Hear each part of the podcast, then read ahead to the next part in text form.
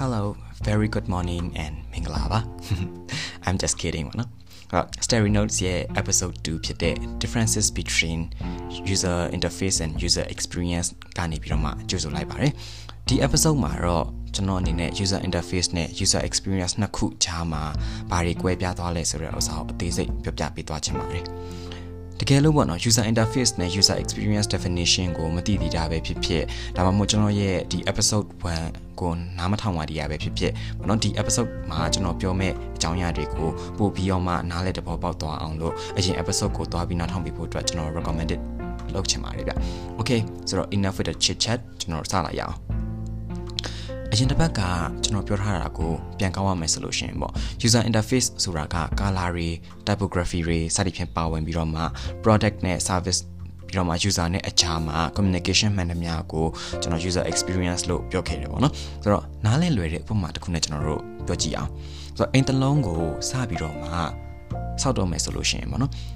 လိုအပ်တဲ့ foundation တွေ blueprint တွေစသည်ဖြင့်အကောင့်တွေအကုန်လုံးက user experience လို့ပြောလို့ရပြီးတော့မှအင်ရောဘာရောင်တုံးမလဲအိမ်နဲ့လိုက်ဖက်တဲ့ furniture တွေဘယ်လိုမျိုးတွေ design ဆွဲမလဲစသည်ဖြင့်အဲ့အပိုင်းတွေကကျွန်တော်တို့ user interface အပိုင်းလို့ပြောလို့ရတယ်ပေါ့နော်ဆိုတော့ကျွန်တော်အဲ့ example ကိုပဲနည်းနည်းလေး detail ဆင်ကြည့်အောင်အာ okay ဆိုတော့အင်ရောစားဆောက်တော့မယ်ဆိုလို့ရှိရင်ကျွန်တော်တို့ ဘယ်နေရာမှာဘယ်လိုမျိုးအခန်းတွေရှိမလဲဘယ်အခန်းနဲ့ဘယ်အခန်းတွေကဆက်ဆက်နေမလဲပြီးလို့ရှင်ဘယ်အခန်းအားနေပြီးတော့မှတကားနေပြီးတော့မှဖွင့်လိုက်တယ်ဆိုလို့ရှင်ဘယ်နေရာကိုရောက်သွားမလဲပြီးတော့မှ ancient တွေကဘယ်လိုမျိုးလိုချင်တာလဲနေရာထိုင်ရတာ convenient ဖြစ်အောင်ဘယ်လိုမျိုး design လုပ်ကြမလဲစသည်ဖြင့်အဲ foundation အပိုင်းတွေကကျွန်တော် user experience အပိုင်းလို့ပြောလို့ရတယ်ပေါ့နော် နောက်တစ်ခုကအိမ်နဲ့အိမ်ကိုဘာကြောင့်တုတ်ကြမလဲအိမ်နဲ့လိုက်တဲ့ furniture တွေကိုဘယ်လိုမျိုးရွေးချယ်ကြမလဲကြည့်လိုက်တာနဲ့နေချင်းစပွဲဖြစ်အောင်မျက်စိပဒါတာဖြစ်အောင်ဆွဲဆောင်မှုရှိနေအောင်ဘယ်လိုမျိုးလုပ်ကြမလဲစသဖြင့်အဲ့အပိုင်းတွေက user interface အပိုင်းလို့ပြောလို့ရပါတယ်အဲ့တော့ user experience အပိုင်းမှာဘာတွေပါမလဲပေါ့ okay ဆိုတော့ user experience အပိုင်းမှာ product ဒါမှမဟုတ် service နဲ့ အဲဒီအဲ့အပေါ်မှာပေါ့နော် user တွေကဘာတွေလိုချင်တာလဲဆိုတဲ့ research တွေပြီးတော့မှ user တွေအနေနဲ့ဒီ product or service ကိုသုံးနေတဲ့အချိန်မှာကြုံတွေ့ရမယ့် user journey တွေ user flow တွေပြီးတော့မှအသုံးပြုတဲ့ user တွေစီကနေပြီးတော့မှဒီ product or service အပေါ်မှာကြိုက်တဲ့အချက်တွေအဆင်မပြေတဲ့အချက်တွေ feedback တွေစသည်ဖြင့်ပေါ့နော်ကိုကဘယ်ပြဿနာကိုဖြေရှင်းမှာလဲ ဘယ်လိုဖြည့်ရှင်းမှလဲဆိုတဲ့ process တွေပါဝင်ပါတယ်ဆိုတော့ user experience မှာဘာလို့ရည်ရွယ်လဲဆိုတော့တကယ်အသုံးပြုရလွယ်ကူပြီးတော့မှတကယ်အသုံးဝင်တဲ့ product တွေဖြစ်လာအောင်ဘယ်လိုမျိုးလုပ်ကြမလဲဆိုတဲ့အပိုင်းတွေကိုရည်ရွယ်ပါတယ် okay ဆိုတော့နောက်တစ်ပိုင်းက user interface အပိုင်းပေါ့နော် user interface အပိုင်းမှာကျတော့ကို product ကို product တာမ service ကို user ကဘယ်လိုမျိုးမြင်ရမလဲ မြင်တဲ့ချိန်မှာဘယ်လိုမျိုးခံစားရမလဲ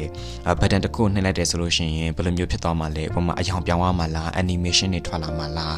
စသည်ဖြင့် user နဲ့ဒီ product or service ကြားထဲမှာ interaction လုပ်လို့ရတဲ့ဒီ user interface element တွေ color တွေ typography တွေပြီးတော့မှဓာတ်ပုံ images တွေစသည်ဖြင့်ပါဝင်ပါတယ်ဗောနော်ဆိုတော့ user interface အပိုင်းမှာအဓိကယူရချက်ကဘာလဲဆိုတော့မျက်စိပဓာတ်ဖြစ်ပြီးတော့မှ အာမတူညီတဲ့ screen size တွေမတူညီတဲ့ device တွေအပေါ်မှာအဆင်ပြေအောင်သုံးလို့အဆင်ပြေအောင်ဘယ်လိုမျိုးလုပ်ကြမလဲဆိုတဲ့အပိုင်းတွေကိုရည်ရွယ်ပြီးလုပ်ဆောင်ကြပါတယ် Okay ဒီလောက်ဆိုရင်တော့ user experience နဲ့ user interface ရဲ့ကွာခြားချက်ကို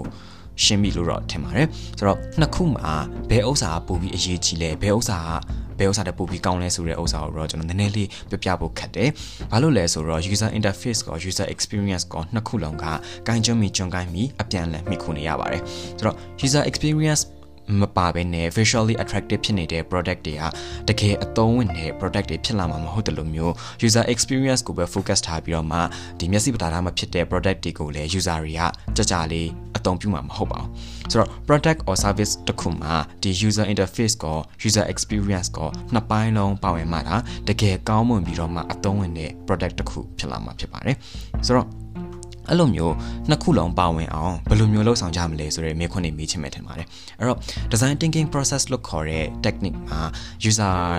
ဒီအတွက်တကယ်အဆင်ပြေတဲ့တကယ်အသုံးဝင်တဲ့ product တွေ service တွေဖြစ်လာအောင်ဘယ်လိုမျိုးအဆင့်ဆင့်လုပ်ဆောင်ကြမလဲဆိုတာကိုပြောပြပေးထားတာရှိပါတယ်ဗျအဲ့တော့ design thinking process တောင်ကိုကျွန်တော်နဲ့အတူတူနောက်တစ်ပတ်မှာ deep dive လုပ်ဖို့အတွက်လာနာထောင်ပေးဖို့လည်းဖိတ်ခေါ်ချင်ပါတယ်ဆိုတော့တင်တဲ့များ episode တွေမလွတ်သွားအောင်လည်းကျွန်တော်ရဲ့ Telegram channel လေးကို subscribe လုပ်ထားဖို့အတွက်လည်း remind ထပ်ပြီးလုပ်ချင်ပါတယ်ဗျ